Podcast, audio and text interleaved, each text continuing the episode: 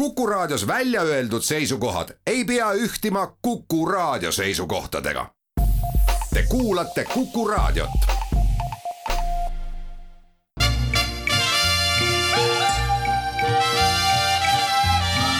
välismääraja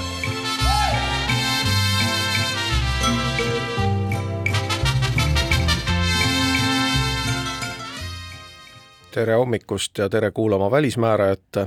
Sõda Ukrainas on kestnud juba üle kahe kuu ja paistab, et nüüd, kus ukrainlased osutavad jätkuvalt vastupanu, on ärganud ka lääs. USA president Joe Biden on küsinud kongressilt Ukraina sõjaliseks abistamiseks kolmkümmend kolm miljardit dollarit.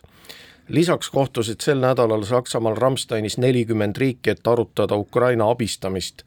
mida suur sõjaline abi võiks tähendada ja mida lääneriikide muutunud mõtlemisest arvata, seda on täna stuudios arutamas Rahvusvahelise Kaitseuuringute Keskuse teadur Martin Hurt, tere hommikust! tere hommikust! ja meiega on ka Tallinna Tehnikaülikooli rahvusvaheliste suhete dotsent Holger Mölder, tere hommikust! tere hommikust! mina olen Erkki Vahovski no kolmkümmend kolm miljardit dollarit, äh, see on ikkagi tohutu summa ju, noh võtame siin kõrvale Venemaa riigieelarve, Venemaa sõjaline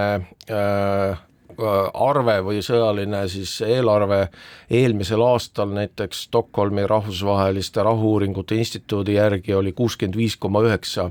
miljardit dollarit, et noh, põhimõtteliselt peaaegu Ukraina saab sellest poole, Ukraina enda äh, Äh,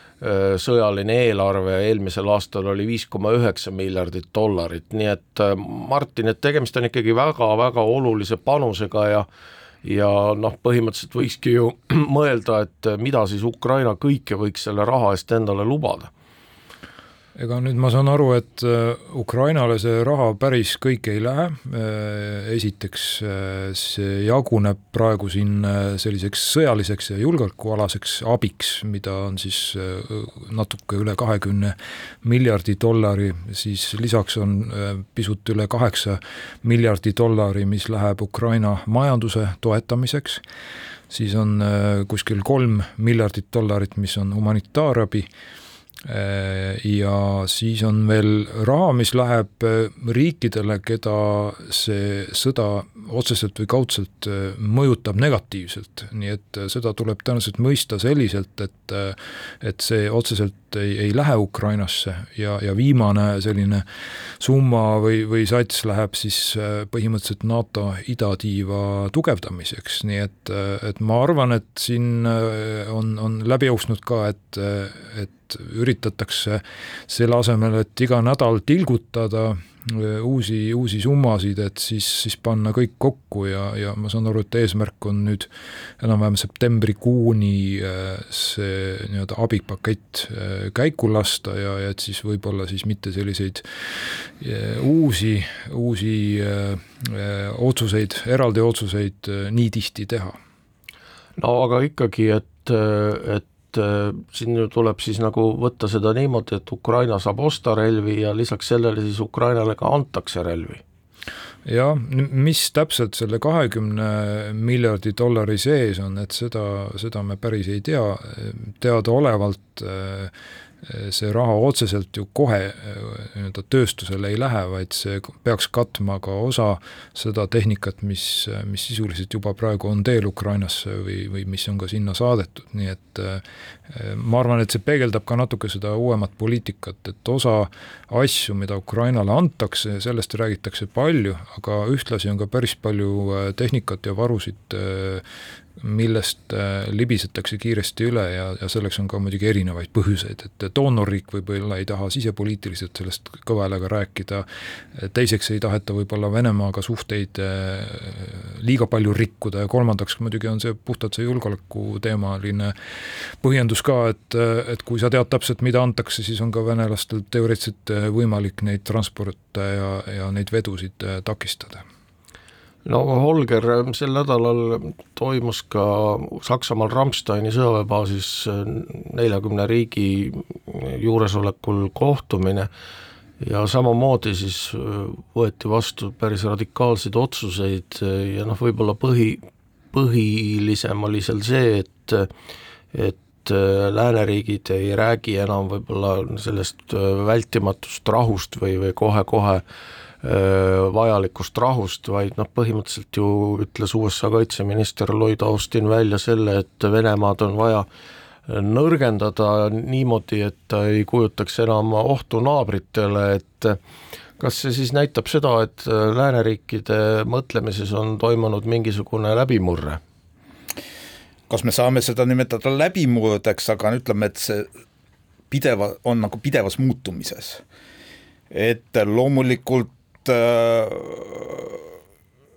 üks niisugune komponent on ka selles kogu selles äh, äh, nii-öelda konfliktis on ka see, et mille peale tegelikult Venemaa panustas, et lääneriigid ei ole ühtsed, et tekivad nendevahelised lahkhelid, et püütakse Ukrainat mitte abistada, mitte nagu panustada, et noh, ütleme, et võib-olla siis tehakse mingisugused formaalsed sanktsioonid, et see on üks valearvestus, mida ta siis Ukraina vastupanuvõime kõrval sellele tegi. ja siis noh, kogu see protsess äh, tegelikult äh, kulgeb hoopis äh, vastupidises suunas, et, et äh, niisugune koali-,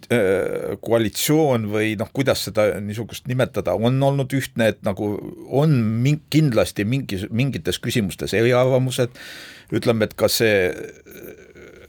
abi andmise valmidus, et see on nagu pidevas arengus. Äh,, et eh, kas see situatsioon on nagu pidevas muutumises. Ja noh, ütleme praeguses olukorras võib isegi välja öelda juba,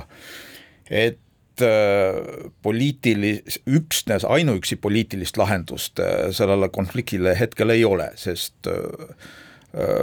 kui me vaatame ka Venemaa tegevust, siis ega neil ei ole nagu ilmselt plaanis vabatahtlikult loobuda nendest aladest, mis nad on juba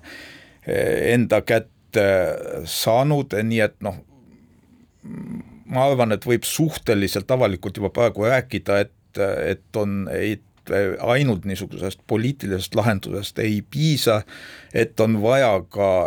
teatavat niisugust sõjalist pööret, et siis need poliitilised äh, lahendused võib-olla, võib-olla saavutatakse, see tähendab, et et Venemaa peab muutuma niisuguseks kaotavaks pooleks või, või noh, ta peab saama niisuguseid tagasilööke, mis nagu siis muut-, muudab tegelikult ka nende võimalike läbirääkimiste tingimusi. ja noh, ütleme, et pikemas perspektiivis siin praegu ongi nagu lootus selle peal, et mingil hetkel ütleme, Ukraina saavutab relvastuse kvaliteedis ülekaalu, sest noh, mida on Venemaa tegelikult äh, senise konflikti käigus äh, kaotanud see on niisugune täppisrelvastus, et seda on tal väga raske nagu asendada, et loomulikult on nende laod täis nii-öelda nõukogudeaegsete eh, vanema põlvkonna tehnikat, eh, noh, mida jätkub niisuguseks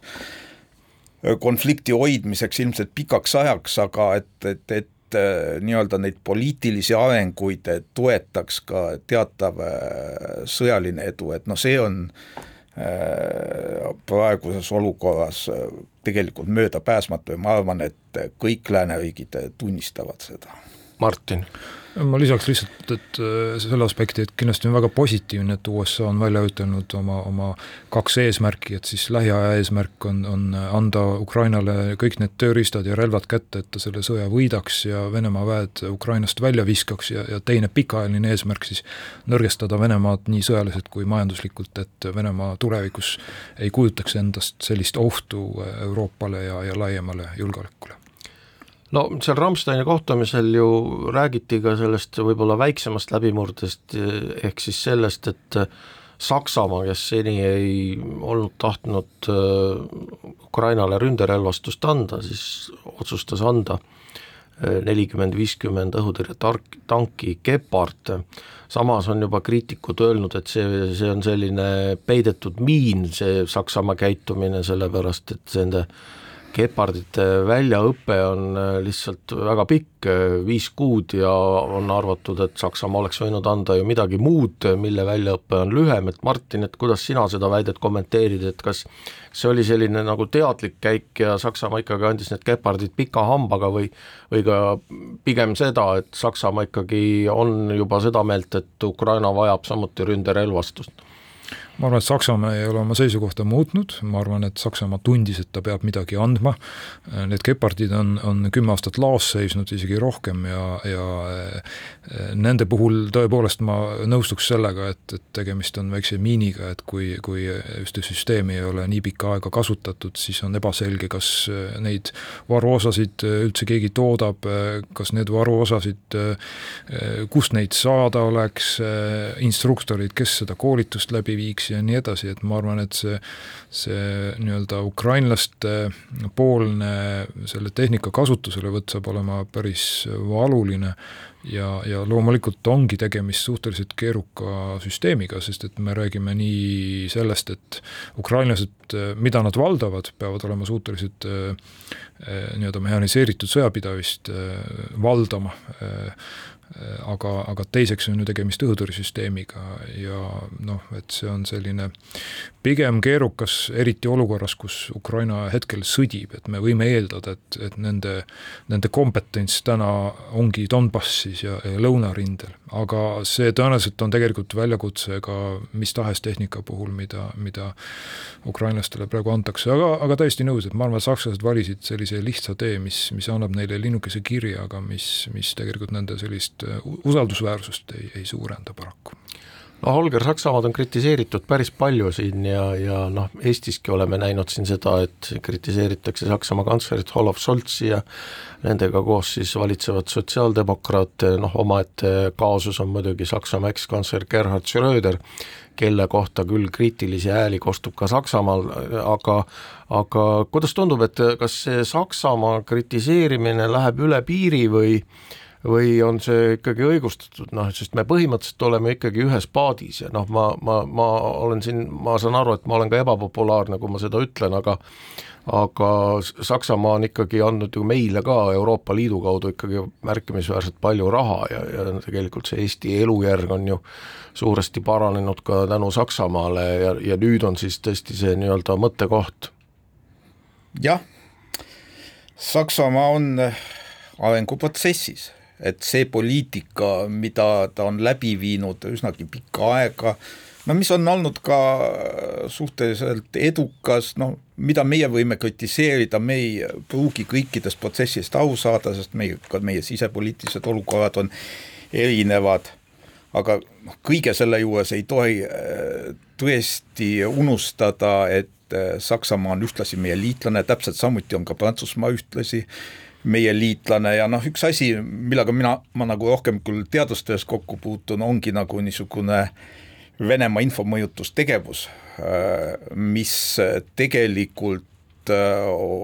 me ei tohi nagu selle sõjalise konflikti kõrval ära unustada. et täpselt samamoodi käib edasi nii-öelda äh,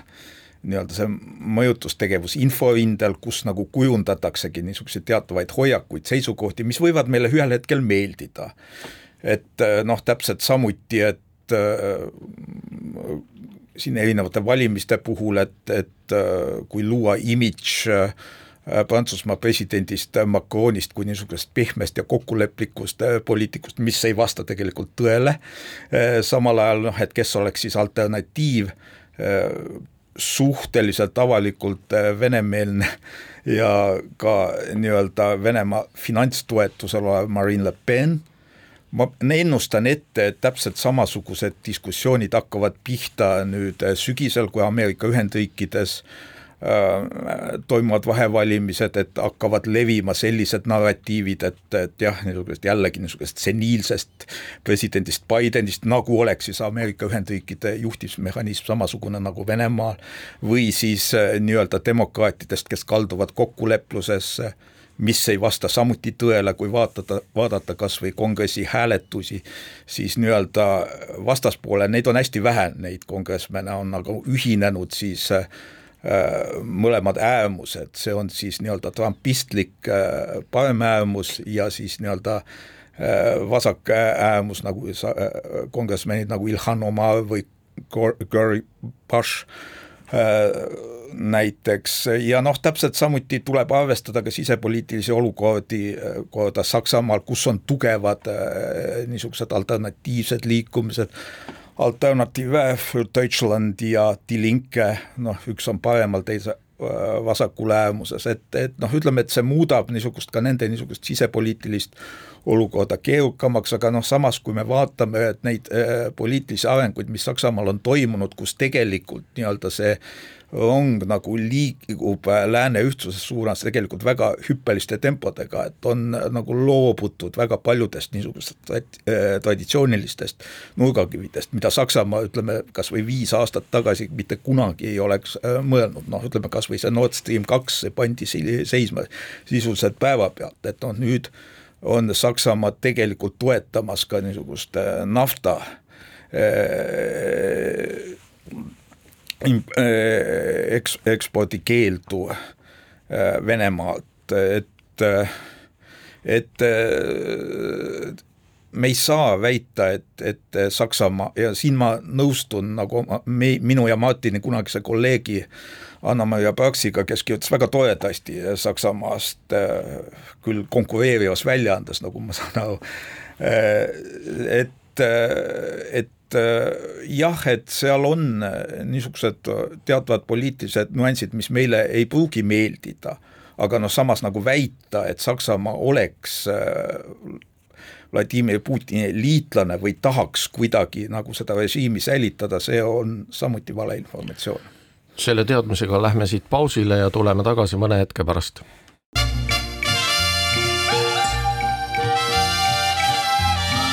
välismääraja.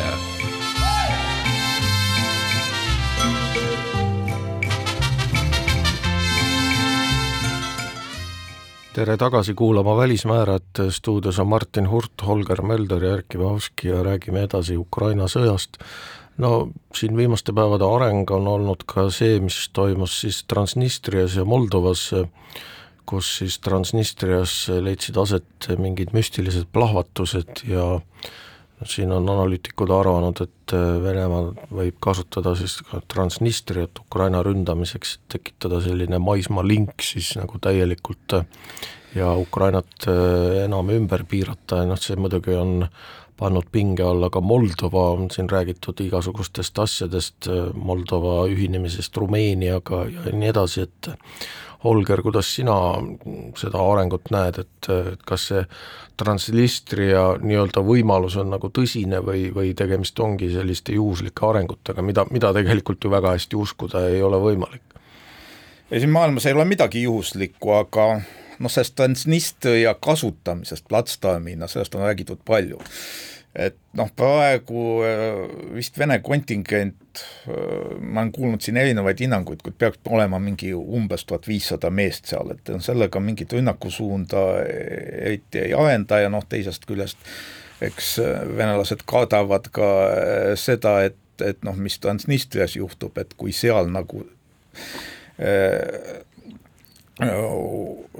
kui nad nagu ütleme, laiendavad seda konflikti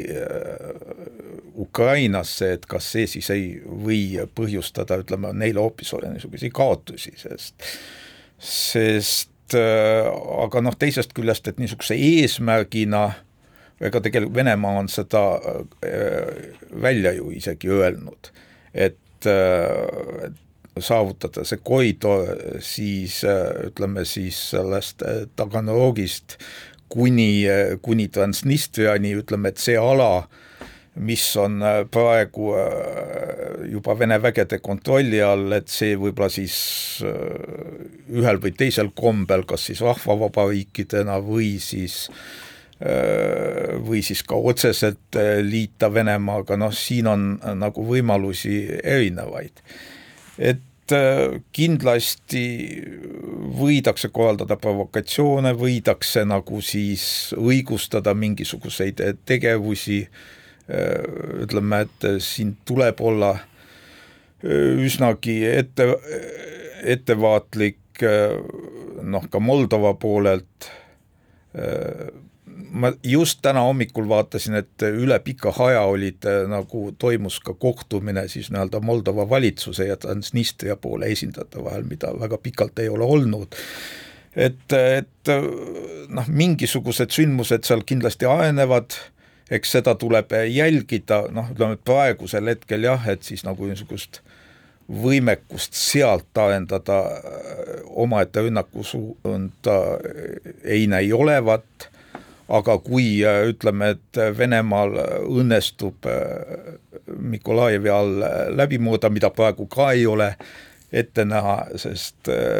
rinne seisab, siis võiks, siis võib see mingit teoreetilist ohtu kujutada. Ja noh, Moldova on juba jällegi omaette Pandora laiga, laegas oma erinevate probleemidega, et äh, ma ei tea, me võime seda siin avada, aga, aga selleks jätkuks jällegi jutu, jutu pikemaks. Martin laias laastus Olgeriga nõus, et siin äh, Venemaa viis läbi raketirünnaku ühele olulisele sillale, mis ühendab siis neid alasid, mis jäävad, jäävad Rumeenia piiri äärde ja Transnistriani siis Odessa lähistega, mis teeb nüüd ukrainlastel selle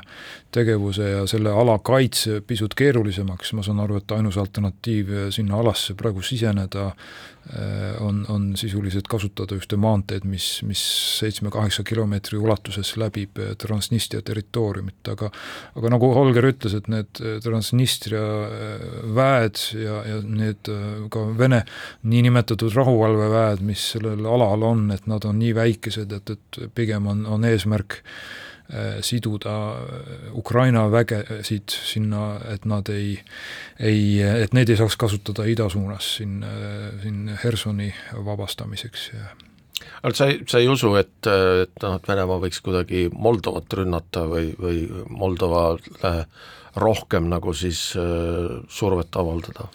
survet saab ikka avaldada, aga ma arvan, et seal venelastel ei ole lihtsalt neid vägesid eriti, et äh, ja, ja nagu Holger vist ka indikeeris, et tegelikult on see tegevus ka Vene, Vene seisukohast pisut riskantne, et äh, ei ole Transnistria selline sõjaline kaitse väga tugev.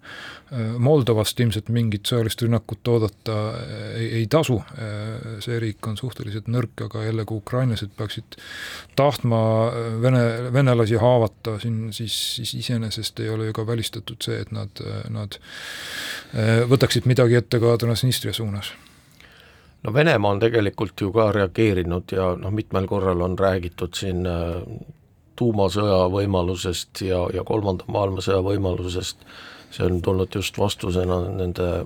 lääne abi andmise teadetele. äh, ja Olger, et kui, kui tõsiselt neid saab võtta, et, et kas noh, me varsti oleme sellises olukorras, kus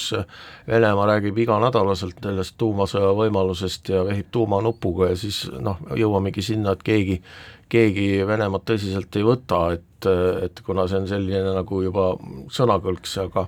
aga ikkagi noh, rahvusvahelisel areenil selliseid avaldusi ju ikkagi niisama ju ka ei tehta jah, see on nüüd oluline muutus, kas või ütleme, mäletame Nõukogude Liidu aegadest, kui ütleme niisugustele kõiki, kõikidele niisugustele tuumarelva puudutavatele küsimustele alates siis äh, Kuuba konfliktist tuhande üheksasaja kuuekümne teisel aastal äh, on noh, ütleme, et äh, seda hoiti nagu maas, et et selle, seda püüti kuidagi nagu vaos hoida, et, et tuubanupuga tõepoolest ei mängitud. et eks siin me peame ka nagu eristama äh, mitut äh, olukorda, et üks on tõepoolest siis niisugune laiamahuline tuumasõda siis läänega, noh, see tundub vähemalt hetkel nagu utoopiline ja tahaks loota, et, et äh, selle peale ei minda, teine asi, et kasutada tõesti niisugust äh, taktikalist äh, tuumarelva, siis nagu noh, heita siis paar pommi mõne Ukraina linna peale, seda ma ei välistaks, eriti kui noh, Venemaa satub meeleheitele, sest kõik see retoorika, mida on nagu ka Vene pool on kasutanud, et, et see on nagu mingisugusel hetkel jõudnud ka te tegelikkuseni, et noh, siin jällegi, et ega mina ei ole selgeltnägija. noh, mõned ohumärgid on kas või see, et me siin jah, räägime, et president Macron räägib siin Putiniga, tegelikult ta ei ole ainus, et see on nagu niisugune esile tõstetud dialoog, aga no Guterres mind, käis ju Moskvas, eks ole, ÜRO aga ma tahtsin siin rääkida hoopis sellest, juhtida hoopis sellele tähelepanu, et mis mind nagu iseenesest äh, tekitas rohkem ettevaatlikuks, kui tulid just Pentagonist niisugused signaalid, et äh, kaitseminister Lloyd Allan ja ja siis ka staabiülemate Austin. komitee esimees äh, Mark Millen, et nendele kõnedele, ütleme, Moskva pool ei vasta, et Šoigu ja Gerassimov ei reageeri. et noh, niisugune kontakt, millest tegelikult avalikult ei räägita, aga noh, ütleme niisuguste sõjaväeringkondade korral, see on juba külma sõjast aja, ajast on peale, on niisugune külm liin olnud või tähendab jah, niisugune otseliin olnud, et et tegelikult äh, see juba teeb niisuguseks ettevaatlikuks, et äh, võib-olla seda protsessi püütakse teadlikult nagu äh, vältida, et no jah, et ütleme, et üks asi on jah, see nagu meedias kõlav, kõlavad niisugused, et mik-, miks ta helistab, miks ta, aga noh, ütleme, et niisugune teatud ohuolukorras kontakt, et see on jah, juba Kuuba kriisist saadik, et see on nagu eksisteerinud, kui nagu see liin ära kaob, see on juba öö, omaette ohumärk, et eh, ma ei taha jällegi niisuguseid hirme hakata üles äh, puhuma, aga, aga mingis teatud olukorras äh, me peame selleks valmis olema, et noh, seda kindlasti ei saa välistada, ma arvan, et äh, nii-öelda, et ka seda äh, situatsiooni tegelikult jälgitakse ja sellega tegeletakse, et, et see on jah, niisugune asjad, asjalugu äh, väga halb arengujärg, kuid kõik on siin maailmas võimalik no on ka räägitud sellest, et äh, seda taktikalist tuumarelva võib-olla ei visatagi kuhugi linna peale, vaid lihtsalt alguses nagu lõhatakse see kuskil inimtühjas kohas õhus näiteks või, või kuskil stepis ja see on selline nii-öelda hoiatus, nii-öelda viimane hoiatus, et jätke järele, et et äh, Martin, mis sina sellest arvad ja noh, teine teema veel sinna juurde, eks ole, on, on see üheksas mai ikkagi, et see on Venemaale selline sümboolne päev ja noh, siin on ka spekuleeritud äh, igasuguste asjadega, mis siis seal üheksandal mail võib juhtuda või mis võiks üheksandaks maiks juhtuda, tundub praeguse seisuga, et et üheksandaks maiks nagu mingit suurt läbimurret Ukrainas ei toimu, aga aga näiteks Briti kaitseminister Ben Wallace on ennustanud, et üheksandal mail siis Putin kuulutab välja selle suure sõja, et nii saab ta välja kuulutada üldmobilisatsiooni, sest noh, praegu Venemaa järgi on ju tegemist sõjalise erioperatsiooniga ja inimesi ei saa mobiliseerida. et, et noh, et Martin, mis sa arvad, noh kõigepealt see nii-öelda see ka see tuumasõja võimalus ja, ja teiseks üheksas mai tuumarelvaga ähvardamine minu arust on selles mõttes juba edukas olnud, et me oleme näinud, kuidas siin äh, Saksamaa liidukantsler Scholz mitmel korral on ütelnud, et et me peame olema ettevaatlikud Ukraina toetamisega, et me ei taha vallandada kolmandat maailmasõda ja tuumasõda, nii et selles mõttes äh, nendel ähvardustel on, on oma äh, publik täiesti olemas. Ja, ja ma arvan, et sellises kontekstis tuleb seda kõike ka vaadata. spekuleerida muidugi võib, et kas, kas, kas Venemaa kasutab või ei kasuta tuumarelva, aga loomulikult see oleks, oleks märkimisväärne muutus ja, ja väga suur muutus täiesti sõltumata sellest, kas kasutatakse väikest või, või suurt tuumarelva, et mõju oleks strateegiline. ja, ja Venemaal kindlasti mitte positiivne. mis puudutab üheksandat maid, siis, siis ma arvan, et Venemaal on selline propagandaaparaat olemas, nii et täiesti sõltumata reaalsetest sündmustest Ukrainas äh, ilmselt kuulutatakse välja, et, et nii-öelda osaline võit vähemalt, et, et see operatsioon on olnud edukas. Selline mobilisatsiooni väljakuulutamine ja reservväelaste teenistusse kutsumine, et jah, et see on põhimõtteliselt võimalik, nüüd ega see iseenesest mingisugust murrangulist edu Venemaale lähiajal ei tooks, sellepärast et mõnes mõttes nii nagu ka Nõukogude Liidu aegadel, et, et kogu see reservväe kontseptsioon on ikkagi selline teise- ja kolmandajärguline Venemaal, et neil ei ole regulaarseid äh, õppusi äh, reservistidele, seda kõike ei ole põhjalikult harjutatud, läbi mängitud, et pigem kui nad selle kaardi välja käiksid ja hakkaksid reservväelasi mobiliseerima, siis see oleks märk pigem sellest, et, et see sõda kestab veel, veel päris kaua ja see ka ei pruugi olla Venemaa seisukohast üldsegi edukas no Holger, et äh, reservistid, reservistid vajavad ju ka mm. relvi, et kas nendel on üldse relvi anda, noh teine on muidugi see, et ikkagi kui kui, kui need reservistid sinna lähevad, siis äh, tegemist ei ole enam ju regulaararmeega ja siis need äh, inimkaotused jõuavad ju ikkagi järjest rohkem ka tavaliste vene inimesteni no siin on üks suund, kus on tegelikult Ukraina olnud edukas, et ta on võtnud seal mingeid alasid või külasid tagasi, see on nagu Harkovi ümbrus ja seal on nagu siis äh, sattunud äh, kätte ka need äh, nii-öelda mobiliseeritud siis sealt noh, esialgu küll sealt Donetskist ja Luhanskist, kes on siis relvastatud, tõesti olnud seal mingisuguste teise maailmasõja aegsete Äh, vahenditega, et nagu ma ütlen, et siin, et Venemaal jah, seda vanarauda tegelikult ladudes on, nii-öelda vanarauda, noh, mis ilmselt teeb ka pauku, mida saab kasutada, aga noh, mingil hetkel peaks siin nagu määravaks ikkagi saama, et ukrainlastel on see äh,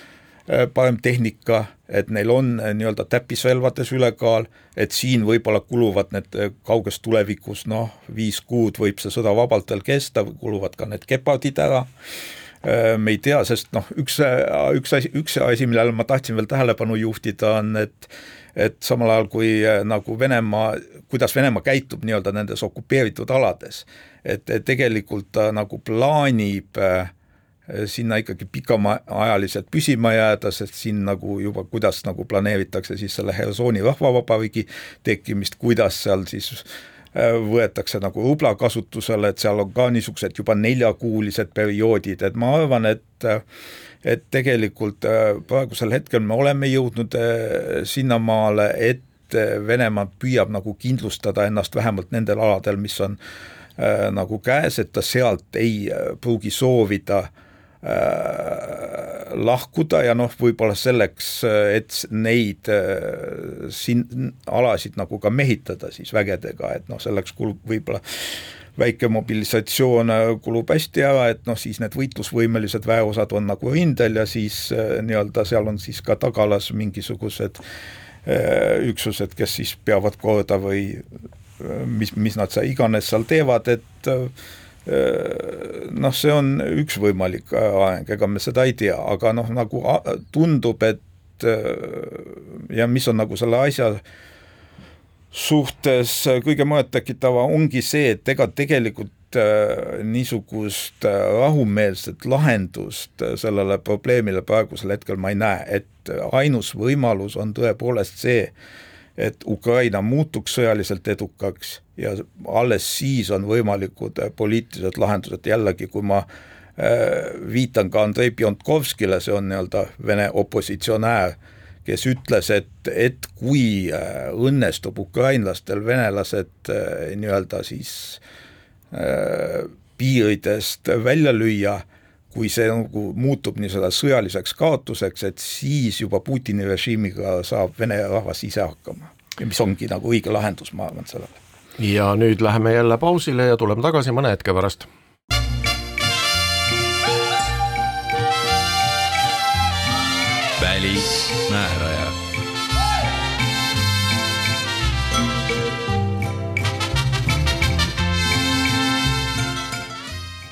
Tere tagasi kuulama Välismäärat, stuudios on Martin Hurt, Olger Mölder ja Erkki Pahovski ja räägime edasi Ukraina sõjast, no üks selle sõjaga seotud arenguid on olnud see, et meie lähinaabrid Soome Rootsi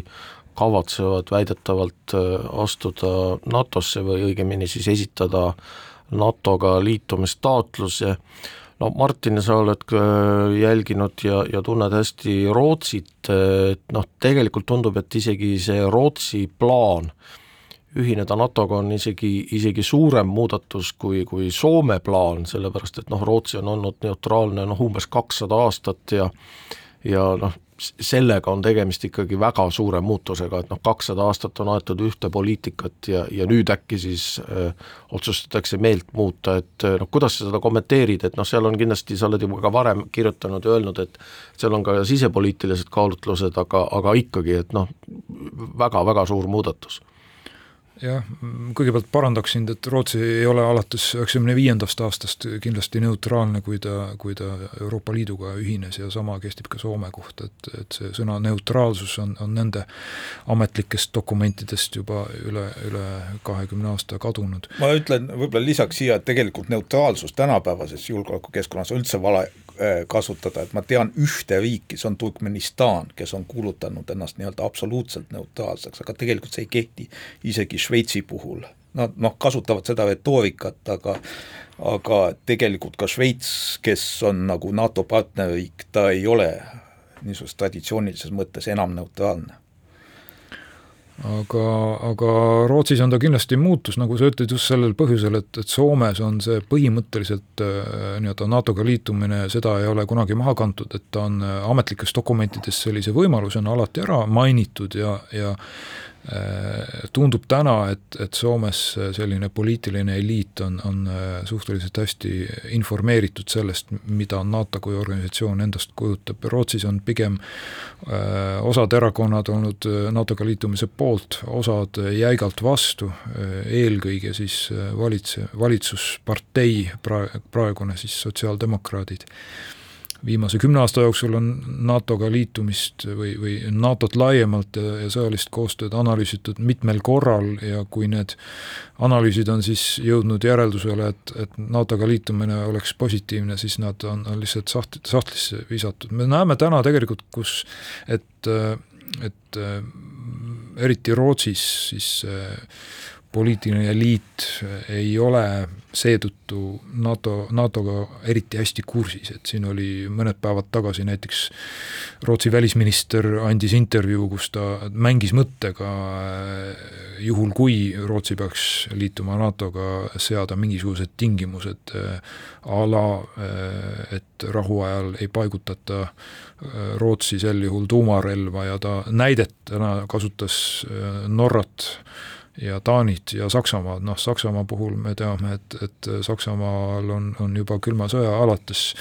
äh, tuumarelv olemas, mis näitab seda, et, et, et kogu see mõte, et Rootsi võiks liituda NATO-ga, et see on, see on nii uus, et, et ja noh, see, see poliitiline debatt on seal tegelikult ikkagi olnud olematu ja praegu tundub kõik äh, Äh, märgid viitavad sellele, et, et lähinädalatel langetatakse ka Rootsis mingisugune poliitiline otsus ja, ja sisuliselt ilma, ilma poliitilise debatita. Aga noh, seal ju tekib see küsimus ikkagi, rootslastel ju tekib see, et noh, et kui Soome liigub nagu NATO-sse, siis nagu selles piirkonnas ainus riik, mis ei ole NATO-s, ongi Rootsi, noh ja me võime ainult ühe korra arvata, et kustkohast see surve siis hakkab Rootsile tulema, eks ole, et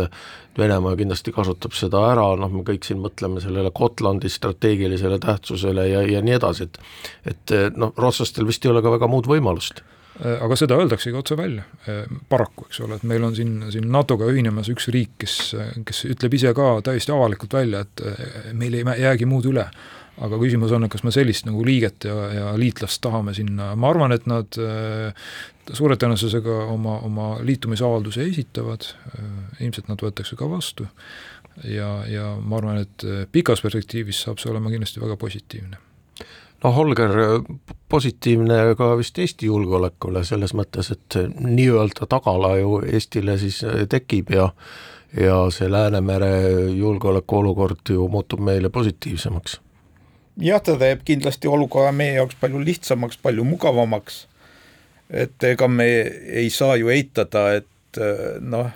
kuigi äh, Soome ja Rootsi ei olnud ametlikud NATO liikmesriigid, aga nad olid NATO partnerriigid ja tegelikult see koostöö, mida tehti NATO-ga, äh, on tehtud viimasel ajal, et see on olnud väga aktiivne nii Soome poolt, eriti aga ka Rootsi poolt, et ja noh, ütleme, et isegi nende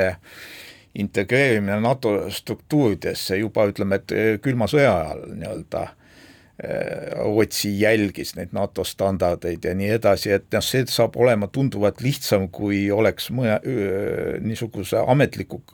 praeguse kandidaatriigi, mõne Balkani riigi või siis ka endise Nõukogude Vabariigi liitumine, sest noh, väga paljud, kui me mäletame ise seda protsessi, kuidas Eesti nagu seda teekonda läbis, et meil oli siis see membership action plan, kus me pidime tõestama oma vastavust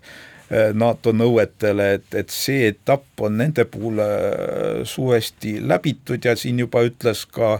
eh, Jens Stoltenberg, et NATO peasekretär, et et noh, ütleme, et see tegelikult see liitumisprotsess saab olema üsnagi kiire ja valutu ja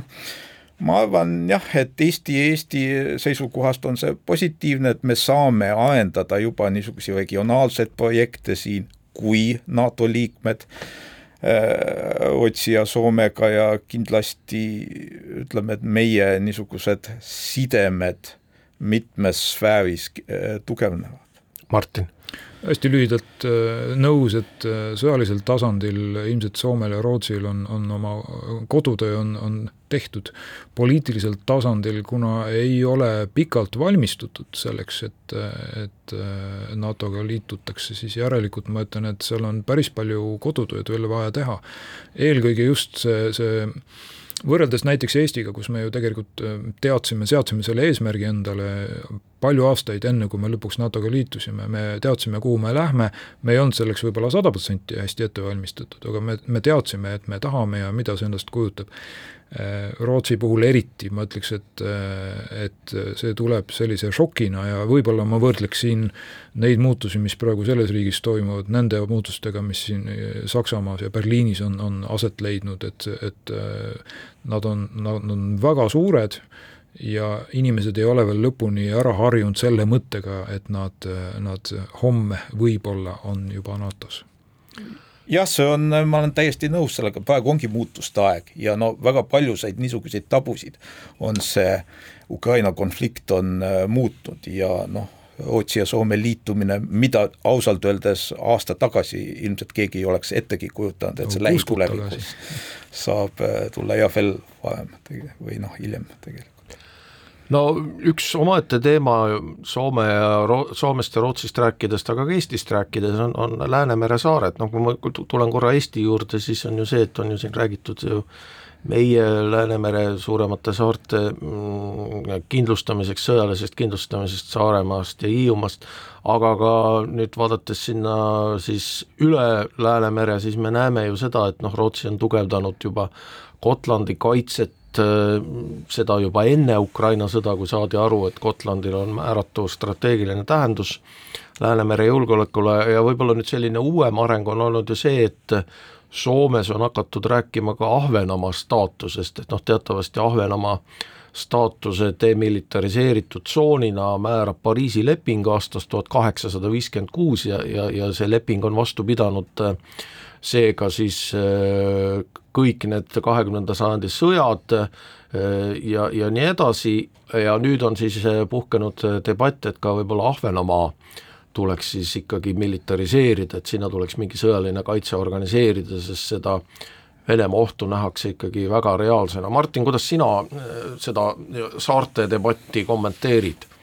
Ma ütleks, et võib-olla siin on kaks, kaks aspekti, kindlasti. Üks on poliitiline ja, ja see puudutabki just seda lepet, mida sa mainisid, et, et noh, küsimus ongi, et kas nüüd äh, Soome siin tahab hakata mingisuguseid leppeid, äh, mingitest lepetest taganema, et äh, see on olnud eelkõige nagu Venemaa selline enda võetud ülesanne kõikidest lepetest välja astuda ja, ja neid ignoreerida. et, et selles ma võib-olla kahtlen, siin, siin hiljuti Soome kaitseväe juhataja kommenteeris ja ütles, et juhul, kui on vaja vägesid saata äh, Ahvenamaale, siis Soome väed oleksid kindlasti esimesena kohal. Ja, ja siin, siin tulebki just rääkida sellest, et see lepe ütleb seda, et äh, Ahvenamaa on, on rahuajal demilitariseeritud, sõja ajal on ikkagi Soome ülesanne äh, neid, neid saari kaitsta ja selleks on plaanid kahtlemata olemas ja me teame ka tagantjärgi täna, et ka külma sõja ajal olid plaanid olemas selleks, et neid saari kaitsta ja rootslastel oli terve brigaad nii-öelda määratletud, mis, mis pidi siis kiiresti sinna, sinna liikuma Holger, mida sina ütled saarte kohta? noh, Ahvenamaaga siis, kui Soome liitus Euroopa Liiduga, siis tegelikult seda niisugust staatust arvestati seal, et noh, kindlasti mingisugused eriklauslid tulevad, kuid see ei takista nagu protsessi ennast ja noh, ütleme, et siin isegi, et see fakt juba, kui Rootsi ja Soome mõlemad peaksid eh, liituma NATO-ga, ma arvan, et see juba tagab niisuguse Ahvenamaa turvalisuse. nii et äh, ma ei näe probleeme, et niisuguseid eristaatusi, niisuguseid on väga palju, et noh, ütleme, et Põhjamaad isegi Euroopa Liidus ju, kuna nad on nii-öelda algliitunud, siis nad võtsid endale, noh, Taani rakendas ju niisugust võimalust, et jääda välja siis Euroopa Liidu sõjalisest struktuurist, et no ütleme, et kindlasti nad niisuguseid eriklausleid äh, tagavad, aga see protsess ise, ma arvan, on tähtsam kui need klauslid. ja Martin? hästi lühidalt, et ega, ega ma ei näe ka mingit probleemi ja, ja võib-olla see ei ole üldse ka teemaks NATO-ga liitumisel, kui see peaks aset leidma, et, et tasub vaid, vaid meeles pidada, et ega Eestil siiamaani ei ole ju äh, piirilepet Venemaaga ja, ja NATO-s me oleme juba siin, siin äh, varsti kakskümmend aastat ja no jääme siis jälgima Ukraina sõda, tänane Välismäära on sellega lõppenud, stuudios olid Martin Hurt, Olger Mölder ja Erkki Pahovski, kõike head ja kuulmiseni!